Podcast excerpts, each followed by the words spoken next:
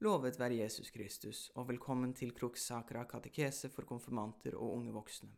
Forrige gang snakket vi om vår salige mor, jomfru Maria, om hvem hun er og hvorfor hun er så viktig. Akkurat nå holder vi på å gå gjennom sentrale deler av den katolske tro. Derfor har vi snakket om treenigheten, om inkarnasjonen, om frelsesmysteriet og Maria, Guds mor. Nå skal vi hoppe tilbake og snakke litt mer om Kristi offer på korset, og hva det har å gjøre med ukens høydepunkt for en katolikk, nemlig å gå til messe. Alle katolikker har messeplikt, dvs. Si de plikter å gå til messe hver søndag. Messen er likevel ikke noe man bare ser på som en plikt, men som et privilegium. Hvis man forstår hva messen er, hva som foregår i den, og hvem som er til stede, vil man ikke se plikten som en byrde. For å forstå messen må man først forstå at mennesket er syndig, og at disse syndene må sones for, dvs. Si, skylden må betales. Syndens konsekvens er at mennesket skilles fra Gud, at vi mister Guds nåde, og at ønsket om nytelse ofte får overtaket over oss.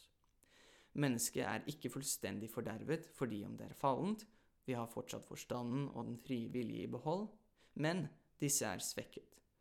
Guds plan for å frelse menneskeheten besto i å gjenopprette menneskets vennskap med ham, og utslette og tilgi synd, og å forene oss med ham på en fullkommen måte. Grunnlaget legges i den gamle pakt og fullbyrdes i den nye. I Guds pakt med Israel skulle dyr ofres for syndenes forlatelse. Alle prestene var menn av Levis ett. Levi var en av Jakobs tolv sønner. På alteret i tempelet slaktet de husdyr, de ofret dyr for å betale for sin synd. Israelsfolket ble løst ut fra Egypt og spart for dødsengelens hånd ved å slakte et lam og ved å smøre dets blod på dørstolpene til husene sine. Dette var den gamle pakts blod, det blodet som ble ofret for frelse fra Egyptens slaveri. Men den gamle pakt var ikke fullkommen. Dyreoffer strekker ikke til og vi trenger mer enn frelse fra bare Egyptens slaveri. Vi trenger frelse fra syndens slaveri. Derfor ble Gud menneske i Jesus Kristus. Han er lik oss i alt utenom synd. Og han innstiftet den nye pakt, og her er hva Paulus skrev om det i første Korinterbrev. I den natt Herren Jesus ble forrådt, tok han et brød, takket, brøt det og sa, Dette er mitt legeme, som er for dere gjør dette til minne om meg. Likeså tok han kalken etter måltidet og sa, Denne kalk er den nye pakt i mitt blod. Gjør dette så ofte som dere drikker det, til minne om meg. Dette høres skremmende likt konsekrasjonsordene, og ordene de viktigste ordene i messen. Og det er fordi Jesus sa 'gjør dette til minne om meg'. Når Herren Jesus slik innstifter den nye pakt, forvandles brødet og vinen som han holder, til hans legeme og blod, idet han uttaler ordene. Det blodet han snakker om, er det samme blod som han ofret til Faderen på korset. Denne handlingen er uatskillelig knyttet til hans offer på korset, og den kan feires på ny fordi han oppsto fra de døde. I den nye pakt er ikke presten og offeret forskjellig. Ypperstepresten, Jesus, ofrer seg selv til Faderen, og fortjener dermed tilgivelse og frelse for hele verden. Dette offeret har en uendelig verdi, fordi Jesus har en uendelig verdi. Når Jesus sier 'gjør dette til minne om meg', befaler han Kirken gjennom apostlene og prestene, som de ordinerte, å feire messen og stå i Kristi sted og ved hans makt forvandle brød og vin om til Kristi legeme og blod, så det ene offeret blir nærværende på nytt. Presten som feirer messen, står in persona Christi, det er latin og betyr i Kristi sted. Og presten som står i Kristi sted, eh, eh, kan gjennom Jesus forvandle brød og vin til Kristi legeme og blod. Messens offer er også evig og perfekt, fordi det er det samme offeret som på korset, bare på et nytt sted og til en ny tid. I den gamle pakt var ofrene ufullkomne, i den nye pakt er det fullkomment. Det er ett lam. Et fullkomment lam.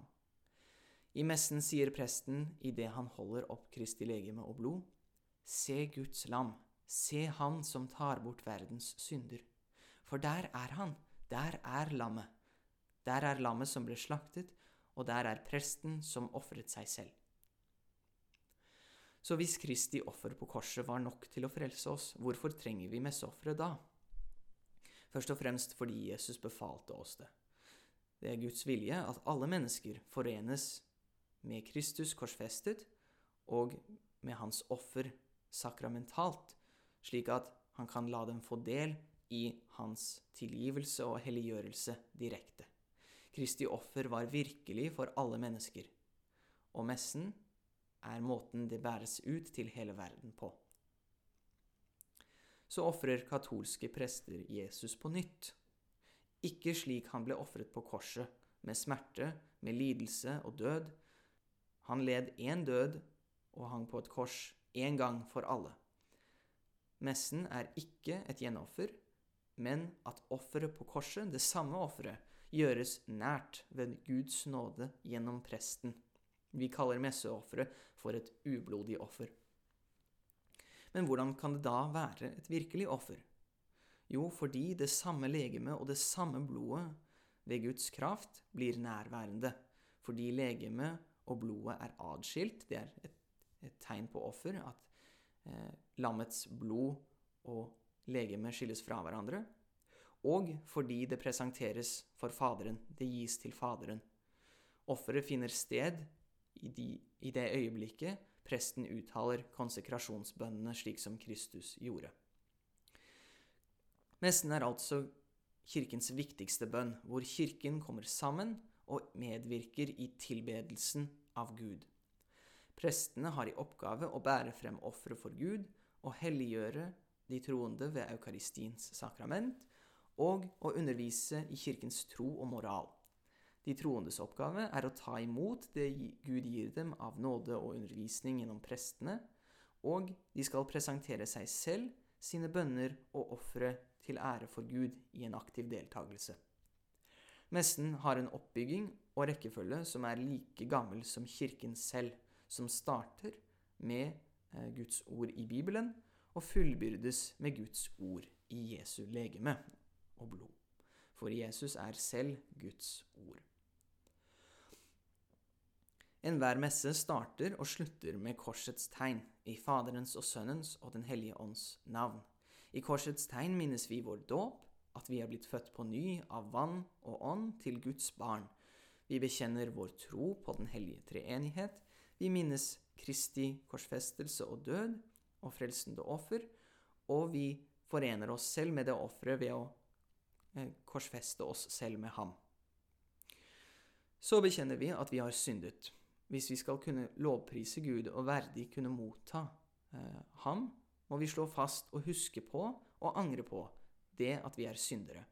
Vi bekjenner at vi har syndet meget, og vi bekjenner dette for Gud og for de hellige i himmelen og for alle som er til stede. Vi ber så om tilgivelse og forbønn.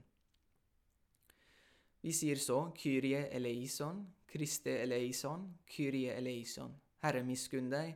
Kristus, miskunn deg. Herre, miskunn deg. Vi ber Jesus, som er Herre, Herre, miskunn deg. Og vi ber Jesus, som er den salvede, som er Messias, som er Kristus, Kristus miskunne deg. Å miskunne seg betyr måtte Jesus vise nåde, måtte han vise oss barmhjertighet. Avhengig av hvor stor fest er, festet er, sier vi deretter Gloria in excelsis Deo, ære være Gud i det høyeste. Dette er en lengre hymne hvor vi gjentar ordene som englene sang den natten Jesus ble født i Betlehem, for å ære vår store konge og Gud.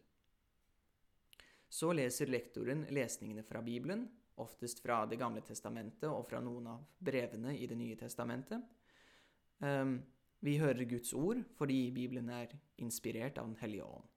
Og Skriften lærer, lærer oss sannheter om Gud og hans pakter med menneskene. Etter det reiser alle seg i ærefrykt mens diakonen leser evangeliet, beretningen om Jesu Kristi lære og handling mens han var på jorden. En diakon er en orden, slik som eh, biskop eller prest, hvor en mann blir skikket til å lese evangeliet, preke og hjelpe og tjene presten. Alle biskoper er også prester og diakoner, og alle prester er også diakoner. Etter evangeliet kan presten holde en preken hvor han forklarer eh, Guds ord for de troende, hvor han underviser dem i hva Kirken tror, og oppfordrer dem til å holde Guds bud. Mot slutten av ordets liturgi bekjenner vi vår tro. Vi ber trosbekjennelsen. Så går vi inn i eukaristiens liturgi. Offergavene bæres frem til alteret, og presten gjør klar patenaen. Patena er en liten gulltallerken som har en oblat på seg, og en oblat er et usyret brød. Eh, og eh, han gjør klar kalken. I kalken heller han vin og litt vann. Vannet som blandes med vinen, symboliserer kirken, som forenes med Kristus. Kirken er vannet, og Kristus er vinen. Det var både blod og vann som fløt fra Kristi side på korset, derfor er det både vin og vann i kalken. De jordiske gavene som vi bærer frem, brød og vin, skal nå forvandles om til livets brød og frelsens kalk. Kristi legeme, altså Kristi kropp, og Kristi blod. Så, nå som alt er gjort klart, kommer messens høydepunkt. Presten, i kraft av at han står i Kristi sted, gjør slik Kristus gjorde og befalte ham å gjøre 2000 år tidligere. Han tar brød, takker og sier, Ta og et alle derav, for dette er mitt legeme, som skal gis for dere. I øyeblikket han sier 'dette er mitt legeme', gjøres brødet om til Kristi legeme ved Guds kraft. Og så sier han, Ta og drikk alle derav, for dette er mitt blods kalk, det nye og evige pakts blod, som skal utgytes for dere og for de mange, til syndenes forlatelse. Gjør dette til minne om meg.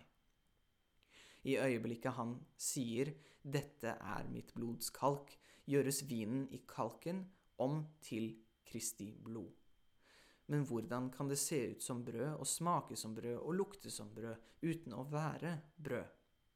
Det er fordi det ikke er hvordan noe ser ut som bestemmer hva det er. Hva det er, kan være én ting, mens hvordan det ser ut, smaker, lukter, kan være noe helt annet. Og det er fordi Gud er allmektig. Han kan få noe som er én ting, til å se ut som noe annet. Han kan skjule en ting eh, bak eh, utseendet. Og hvorfor vil Jesus at brød skal bli hans legeme? Fordi han vil gi oss del i det, for å, vinne, for å frelse oss, for å vinne oss til seg selv. Han vil at vi skal spise hans legeme og drikke hans blod for å forenes med ham, for å bli ett med ham. Og hvorfor vil han at hans legeme skal fortsette å se ut som brød, at det skal være skjult og hvorfor vil han at hans blod skal se ut som vin? Jo, fordi det ellers hadde vært unødvendig å ha tro på at Jesus virkelig er til stede, og han ønsker at vi skal tro på ham.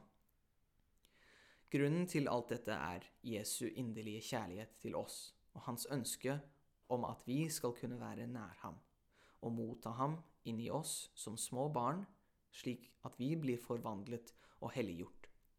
Vi viser eukaristien den fulle ære som tilhører tilbedelsen av den ene sanne Gud, fordi Jesus er Gud, kroppslig til stede og nærværende i sakramentet. Det er nødvendig å forberede seg før man mottar Kristi legeme, både ved å eh, bekjenne sin tro, at man virkelig tror at Jesus er til stede, men også å, ved å faste minst én time eh, før man mottar, og ved å ransake sin samvittighet og se om man har begått en alvorlig synd som man ikke ennå, ennå har eh, bekjent for en prest i skriftemålet. Det er eh, fordi eh, man vil vise Jesus den æren han behøver, fordi Jesus og synd ikke kan blandes sammen, og for å være i stand til å motta de gavene han vil gi oss. Synd hindrer oss i å motta ham. Eh, så derfor vil vi være eh, rene og angerfulle og tilgitte før vi kommer og mottar ham. Etter at de troende har mottatt kommunion, som er et annet navn på eukaristi, renses patenaen og kalken, og messen avslutter med prestens velsignelse og utsendelsen. Nå har vi mottatt Herren og skal bære ham med oss ut i verden for å gi ham til verden. Og vi skal la ham handle gjennom oss. Takk for at dere lyttet til denne katekesen. Jeg håper at dere lytter neste gang. Herre Jesus Kristus, du som er nærværende i alterets hellige sakrament. Jeg tror på deg, jeg håper på deg, jeg elsker deg. La intet skille meg fra deg, la alt lede til større fellesskap med deg.